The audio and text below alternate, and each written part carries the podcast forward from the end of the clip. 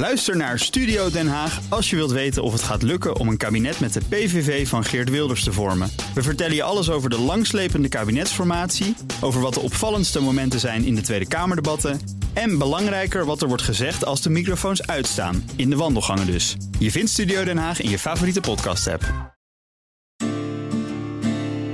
Goedemorgen, dit is de Week van Energie op vrijdag 15 september. Ik ben Ilse Akkermans en bij mij in de studio is vandaag Hans van der Lucht, redacteur van Energia. Welkom Hans. Goedemorgen. We hebben het deze week over de NAM, de Nederlandse aardoliemaatschappij. Die wil stoppen met de gasopslag Norg en al het aanwezige aardgas in de gasopslag wil oppompen. Nederland zou daarmee zijn grootste gasopslag kwijtraken, terwijl gasopslagen het afgelopen jaar juist alleen maar belangrijker zijn geworden. Hans vertelt zometeen waarom de NAM deze opmerkelijke stap wil zetten en waarom juist nu. Maar eerst kijk ik met hoofdredacteur Wouter Hielkema weer naar ander nieuws van deze week. En ook Wouter is weer bij ons in de studio. Goedemorgen Wouter. Goedemorgen Ilse. Welke onderwerpen sprongen voor jou uit in het energienieuws van deze week? Als eerste dat de invoering van nieuwe landelijke milieunormen voor windturbines vertraging oploopt. In plaats van begin 2024 gaan ze nu op z'n vroegst halverwege dat jaar pas in. De oproep van Solar Power Europe aan de Europese Unie om acuut in te grijpen in de zonnepanelenindustrie in Europa om die van de ondergang te redden. De brancheorganisatie wil dat de EU onverkochte voorraden opkoopt en een Europese zonnepanelenbank opricht. En tot slot de proef met volledig elektrisch boren van hoogspanningsnetbeheerder Tennet en aannemer van Gelder eerder deze week. Daarbij kwam geen uitstoot van fijnstof, stikstof en CO2 vrij. Ja, laten we met je eerste onderwerp beginnen. De vertraging van de invoering van nieuwe landelijke milieuregels voor windturbines. Op zijn vroegst gaan ze nu pas halverwege komend jaar in. Wouter, waarom moeten die nieuwe regels er eigenlijk komen? Ja, dat heeft een uh, juridische achtergrond. Uh, dat heet het nevelenarrest. In de sector een uh, heel bekende term, daarbuiten denk ik niet. Het, is, het heet nevelenarrest omdat het aan het licht kwam bij een Belgisch dorpje Nevelen. Daar zouden windturbines komen. Er waren omwonenden die, die maakten daar bezwaar tegen. Um, dat is uiteindelijk bij, de, bij het Hof van Justitie in Luxemburg terechtgekomen. En die oordeelde dat de milieunormen waar uh, die windturbines uh, aan gehouden moesten worden, dat die op verkeerde leest geschoeid waren eigenlijk. Die voldeden niet aan de, aan de Europese regels. Nou, toen dat in België geconstateerd was, is er vervolgens in Nederland heeft een, uh, heeft een partij die, die tegen wind, windturbines was, heeft, heeft gezegd van goh, zou dat in Nederland dan ook zo zijn dat de milieunormen um, niet aan de juiste Europese regels getoetst zijn. En dat bleek het geval. Dus in 2021 heeft de Raad van State op basis van deze uitspraak van het Hof van Justitie uh, gezegd dat alle landelijke milieunormen die bestaan voor windturbines, dat die eigenlijk niet meer geldig zouden zijn. Er moeten dus nieuwe normen komen en dat kost tijd. Die worden nu ontwikkeld sinds 2021 en uh, ja, dat kost tijd. En de planning wordt nu dus aangepast. En waardoor ontstaat er nu vertraging in de invoering van de nieuwe regels? Ja, dat wordt uh, door staatssecretaris Vivienne Heijnen van Infrastructuur en Waterstaat uh, wordt dat uh, geduid als dat het ingewikkelder is dan verwacht om die nieuwe normen op te stellen. Ja, ze zijn er natuurlijk al heel lang mee bezig. Die, die uitspraak van het, van het Hof van Justitie en vervolgens van de Raad van State in Nederland was al in 2021. Ja, ik denk dat ze zich toen rotgeschrokken zijn op het, op het ministerie van INW. En als de donder zijn gaan beginnen met het opstellen van die nieuwe normen, Aanvankelijk was het, was het idee dat dat iets van anderhalf jaar zou duren of iets dergelijks. Nou, dat bleek al uh, te, optimistisch. Um, de laatste planning was dat halverwege dit jaar de nieuwe normen ter inzage zouden komen te liggen. En dat ze dan begin 2024 gereed zouden zijn. Nou, dat blijkt nu ook nog weer te, te ambitieus. Daar komt minimaal een half jaar extra vertraging op, uh, vertelde Heine en, uh, en minister Jette deze week aan de Kamer. Ja, maar het is ook nog de vraag of halverwege komend jaar wel haalbaar is, begrijp ik. Want de verkiezingen in het najaar kunnen ook nog zorgen voor vertraging. Ja, precies. Uh, verkiezingen kunnen, kunnen natuurlijk altijd uh, zorgen dat onderwerpen weer opnieuw ter discussie komen te staan. Uh, de Kamer heeft het nu niet controversieel verklaard, dit, maar dat zou het zomaar nog kunnen doen. Mm -hmm. En de Tweede Kamer is daar op zich best alert op. Een onwaarschijnlijke coalitie van Silvio Erkers van de VVD met Renske Leijten van de SP die pleiten voor uh, duidelijke afstandsnormen. Die, die vinden het belangrijk dat windturbines niet al te dicht bij uh, bewoonde gebieden komen te staan. Nou, die afstandsnormen, dat, dat heeft natuurlijk te maken met deze milieunormen. Dus er is best discussie over. En uh, ja, als er straks een nieuwe Kamer gekozen is, ja, wie weet hoe die er dan weer tegenaan kijken. Dus dat kan nog voor vertraging zorgen, ja. En hoe erg is het dat er vertraging optreedt? Nou, wij spraken met Jan Vos, de voorzitter van de Windclub NWA, en die noemde het echt dramatisch. Het houdt gewoon projecten tegen. Op zich kunnen lokale overheden eigen normen opstellen. Um, dat mag wel. zolang ze die goed onderbouwen. Maar dat gebeurt volgens Jan Vos heel erg weinig. Hè? Jette en, en Heine zeiden van ja, het hoeft geen, niet voor vertraging te zorgen, want lokale overheden kunnen zelf normen opstellen. Maar je ziet bij lokale overheden, met name gemeenten, dat die toch gewoon afwachten totdat die landelijke normen er zijn. Gaan we naar je tweede onderwerp. De oproep van brancheorganisatie Solar Power Europe. Die vindt dat de Europese Unie onmiddellijk moet ingrijpen om de zonnepanelenindustrie in Europa te redden van de ondergang. Ja, Wouter, de Europese zonnepanelenindustrie heeft het moeilijk. Waardoor komt dat? Ja, dat komt voornamelijk door China. Uh, in China worden natuurlijk zonnepanelen heel goedkoop geproduceerd. De verdenking is dat daar heel veel staatssteun uh, voor zorgt, dat, dat dat heel erg goedkoop kan.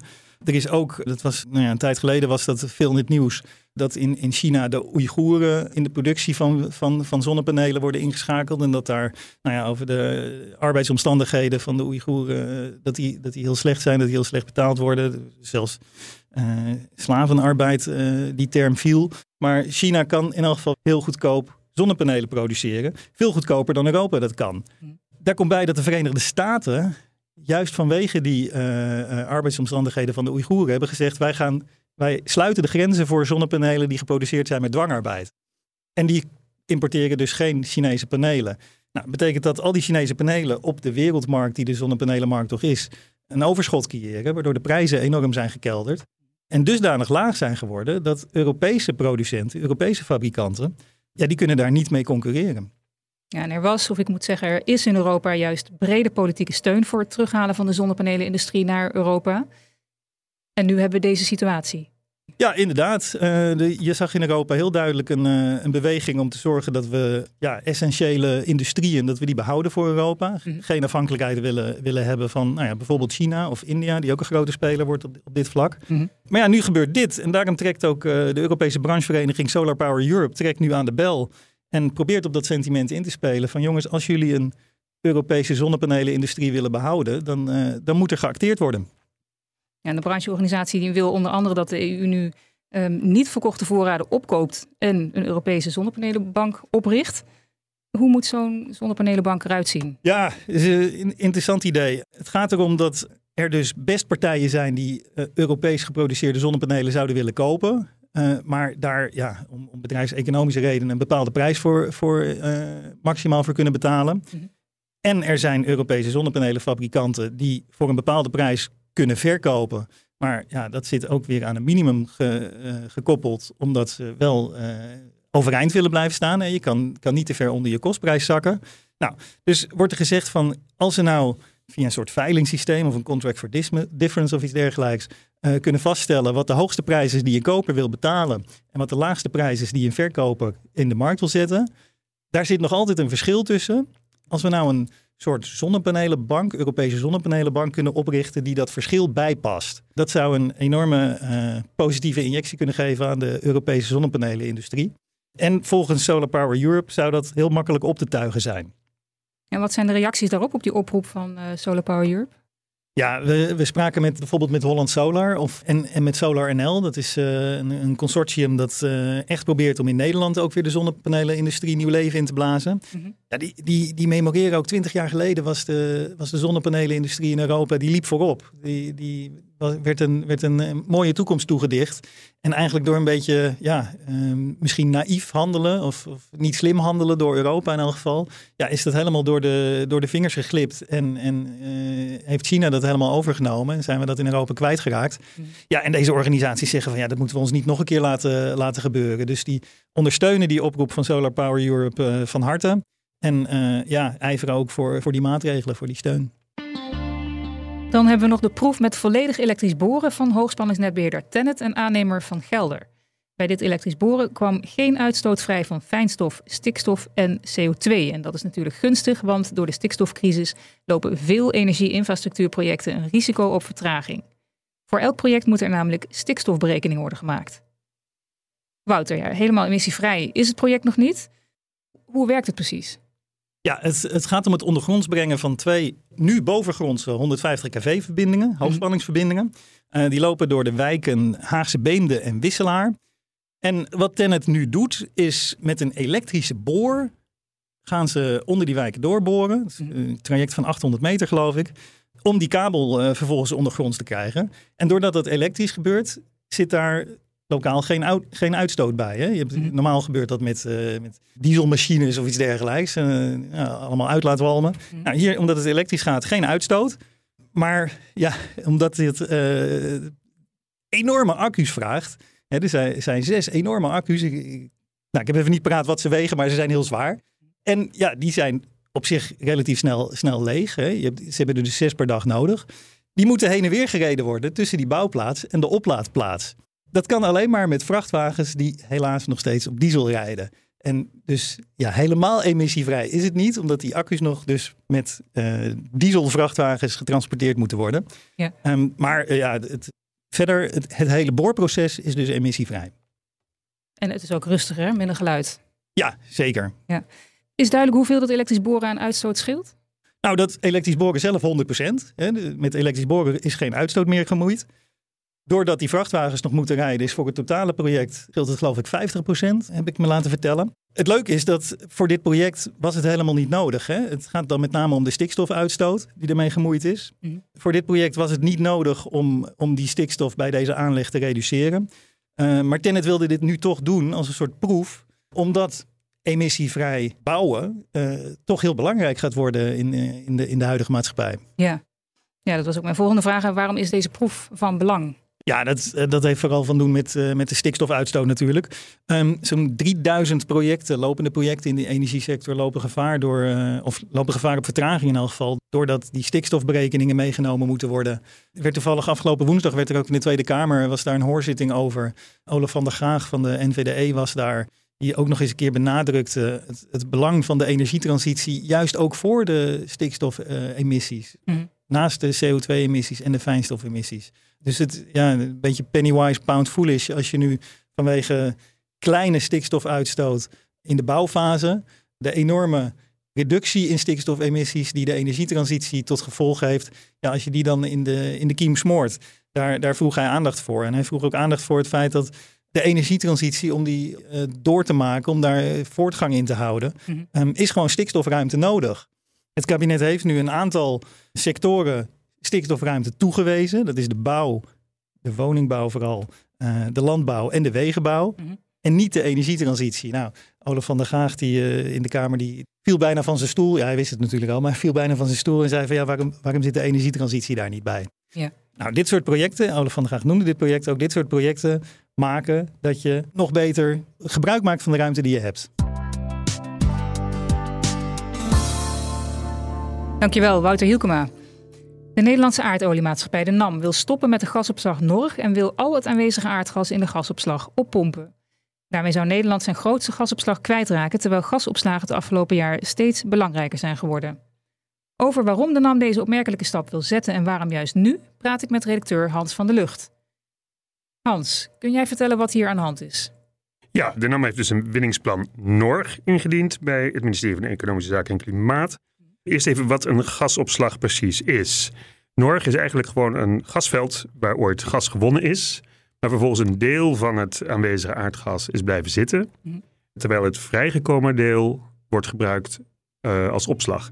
Dat deel wat is blijven zitten, dat heet kussengas. Mhm. En dat is eigenlijk nodig om druk te houden op het gasveld, zodat het opgeslagen gas dat je erin pompt er ook weer uit te halen is. Mhm. Nou is het in het geval van Norg zo dat de opslagcapaciteit 6 miljard kub is. Maar daaronder zit 17 miljard kuub kussengas.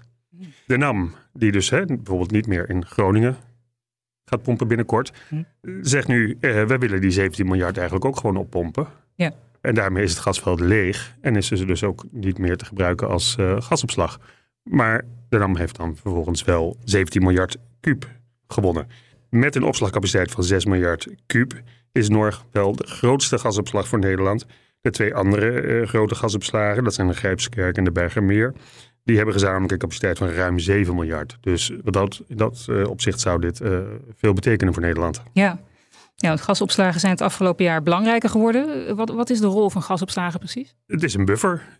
nu we het Groningenveld niet meer hebben, nu er geen Russisch gas meer door Nord Stream Europa binnenstroomt, veel gas wordt geïmporteerd als LNG. Mm hebben de gasopslagen een grotere rol In de zomer vullen we ze. In de, zo- eh, in de winter kunnen we ze leeghalen om de huishoudens te voorzien van gas. En met die nieuwe geopolitieke omstandigheden bemoeit Europa zich dus ook steeds meer met de gasopslagen. Omdat lang niet iedereen zoveel gasopslag heeft. Eh, ons buurland eh, België heeft maar 5% opslagcapaciteit van wat wij hebben. Eh, naastgelegen Luxemburg heeft helemaal geen gasopslagen. Dus voor de Europese Unie als geheel, voor de gasmarkt in de Europese Unie, gaat dit ook echt een rol spelen. Ja. En nog maar anderhalf jaar geleden is er een overeenkomst gesloten tussen de overheid en de NAM over het toekomstige gebruik van de gasopslag Norg. Het Norg-akkoord, dat was juist bedoeld om de leveringszekerheid te kunnen garanderen. Wat is daaraan afgesproken? Ja, eh, Norg was dus een gasopslag van de NAM. De NAM die gas won in Groningen. Wat de NAM deed was eh, het gas wat ze zelf won in Groningen... in de zomer deels opslaan dan in, eh, in Norg. En dan in de winter konden ze en van Groningen en van eh, Norg eh, gas het net in pompen... voor het verwarmen van alle koude huizen. Maar ja, nu de NAM niet meer in Groningen mag pompen... is voor de NAM dus ook Norg niet meer zo relevant. Terwijl NAM wel de eigenaar is van de gasopslag. Ja. En vervolgens is er dus, en, en de Noorse gasopslag voor heel Nederland van groot belang is. Dus is er een, een akkoord gesloten tussen de overheid en de NAM. Dat de overheid die gasopslag kan gebruiken, dus via hè, Gasterra. Het is eigenlijk een soort huurovereenkomst zou je kunnen zeggen. Ja. Voor de NAM zelf is er dus eigenlijk niks meer te winnen met eh, de Noorse gasopslag. Het belang van deze gasopslagen voor Nederland eh, bleek ook nog weer eens afgelopen zomer. Toen het kabinet de Tweede Kamer informeerde dat het zelfs denkt aan een wettelijke vulverplichting voor gasopslagen. Mhm. En dat is dus ervan uitgaan dat Norg ook gewoon bestaat als gasopslag. Ja. Zo belangrijk is het voor Nederland. De NAM wil het nu leegpompen. Maar de NAM krijgt ook een vergoeding toch voor deze inzet van Norg? Ja, maar blijkbaar vinden ze dat de moeite niet waard. Maar met het indienen van het winningsplan Norg verscheurt de NAM het Norg-akkoord dus. Je zei er net al wat over. Waarom wil de NAM stoppen met de gasopslag? Ja, als gezegd, het, het, het heeft voor eh, de NAM eigenlijk geen eh, betekenis meer. Die vergoeding is blijkbaar, vinden ze dat, ja, niet de moeite waard. Ehm, aan de andere kant zit er nog wel 17 miljard kuub in. En dat eh, is voor de NAM lucratief. Mhm. Toen ik eerder deze week aan de NAM vroeg van, ja, maar hoe zit het dan met die leveringszekerheid in Nederland? Toen zei de NAM simpelweg dat dat niet hun verantwoordelijkheid is. Daar, ze zijn ervoor om te doen wat ze doen. Het is een olie- en gasmaatschappij die eh, oppompt en verkoopt. Ja. Leveringszekerheid, de verantwoordelijkheid daarvoor ligt ergens anders. Verder zeiden ze dat de langetermijn voorspellingen zeggen dat de gasvraag terug gaat lopen in Nederland. En bovendien eh, verwezen ze nog naar een document van de overheid. eh, die erop wijst dat de NAM in de toekomst langer termijn die gasopslag zou kunnen liquideren. Dat is echter een document dat dateert voor de Russische inval. Voor de gascrisis die we de afgelopen jaar hebben gekend. En dus, eh, ja, we zitten met totaal andere omstandigheden.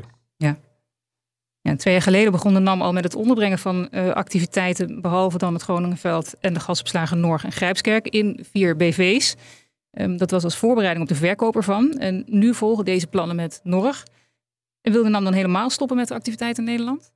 Daar lijkt het wel op. Eh, inderdaad, eh, nu bevestigt de NAM dat de offshore activiteiten, dus op het Nederlandse deel van de Noordzee, die eh, staan in de verkoop. Dat is één deel van de activiteiten die het een, een BV heeft ondergebracht. Mhm. Verder hebben ze nog drie BV's opgericht. Eentje voor de activiteiten in West-Nederland, Noord-Nederland en ook Schonebeek, de olie daar. Wat dan overblijft is het Groningenveld en de gasopslagen Rijpskerk en Norg. Maar ja, daar heeft de NAM dus eigenlijk niets meer te doen. Eh, als beheerder van de gasopslag zou, heeft het nog eh, ja, iets van werk. Maar Ja. het is eh, geen kernactiviteit voor, voor de NAM meer. Het is een, een joint venture van Shell en ExxonMobil, de NAM. Dus het lijkt erop dat ze gewoon de hele activiteiten in Nederland, alle activiteiten willen liquideren, verkopen, stoppen. Ja. En wellicht streeft het nou maar naar om een soort deal te krijgen met de overheid. Als wij dat gas niet mogen winnen in Norg, misschien moeten jullie die gasopslag overnemen. Hebben jullie, kan een staat dat voor eigen gebruik of hè, via EBN of GasUnie eh, gebruiken? En neem dan ook gelijk de verplichting in Groningen over. Daarover zullen onderhandelingen lopen. Eh, wat precies men wil, dat eh, wordt natuurlijk in onderhandelingen niet eh, publiek gemaakt. Mhm. Maar het lijkt erop dat er dit onderdeel is van dat spel. Ja. Ja vorige week stuurde de NAM nog een ingebrekenstelling aan het ministerie voor het uitblijven van een vergunning voor gaswinning onder de Waddenzee vanuit het Noordfriese Ternaard. Dat heeft hier dan ook mee te maken, waarschijnlijk. Daar lijkt het wel op. Dat uh, valt dus onder de activiteiten in Noord-Nederland. Daar ligt een aardig grasveld bij het Friese dorp Ter Naert. Maar dat gaat deels onder de Waddenzee. En daarom is het omstreden. Want er zou niet meer, uh, geen gas meer gewonnen worden onder de Waddenzee. Wat momenteel ook de status heeft van werelderfgoed. De aanvraag toch voor uh, vergunning uh, voor de gaswinning daar is drie jaar geleden ingediend. Hmm. De NAM wil nu duidelijkheid hebben en heeft dus inderdaad een uh, ingebrekenstelling aan het ministerie van EZK gestuurd. Wil binnen twee weken antwoord. En als die vergunning afkomt, dan worden natuurlijk de, de, de assets in Noord-Nederland van de NAM meer waard. En de NAM heeft nu dus een winningsplan ingediend. En hoe gaat het nu verder? Ja, dat moet het ministerie van Economische Zaken en Klimaat gaan beoordelen. Desgevraagd zegt uh, EZK dat ook uh, de leveringszekerheid een rol speelt bij de beoordeling uh, van het winningsplan. Mm. Dus EZK zou kunnen zeggen, dit is essentieel voor de Nederlandse gaslevering, zekerheid. Mm. dus we geven de vergunning niet af, maar dat zal nog moeten blijken. Dankjewel, Hans van der Lucht. Dit was de Week van Energia met de laatste ontwikkelingen in de Nederlandse energiesector. Op energia.nl lees je meer. We horen graag wat je van deze podcast vindt. Laat het ons weten via podcast.energia.nl. Mijn naam is Ilse Akkermans. Fijn dat je luisterde en tot volgende week.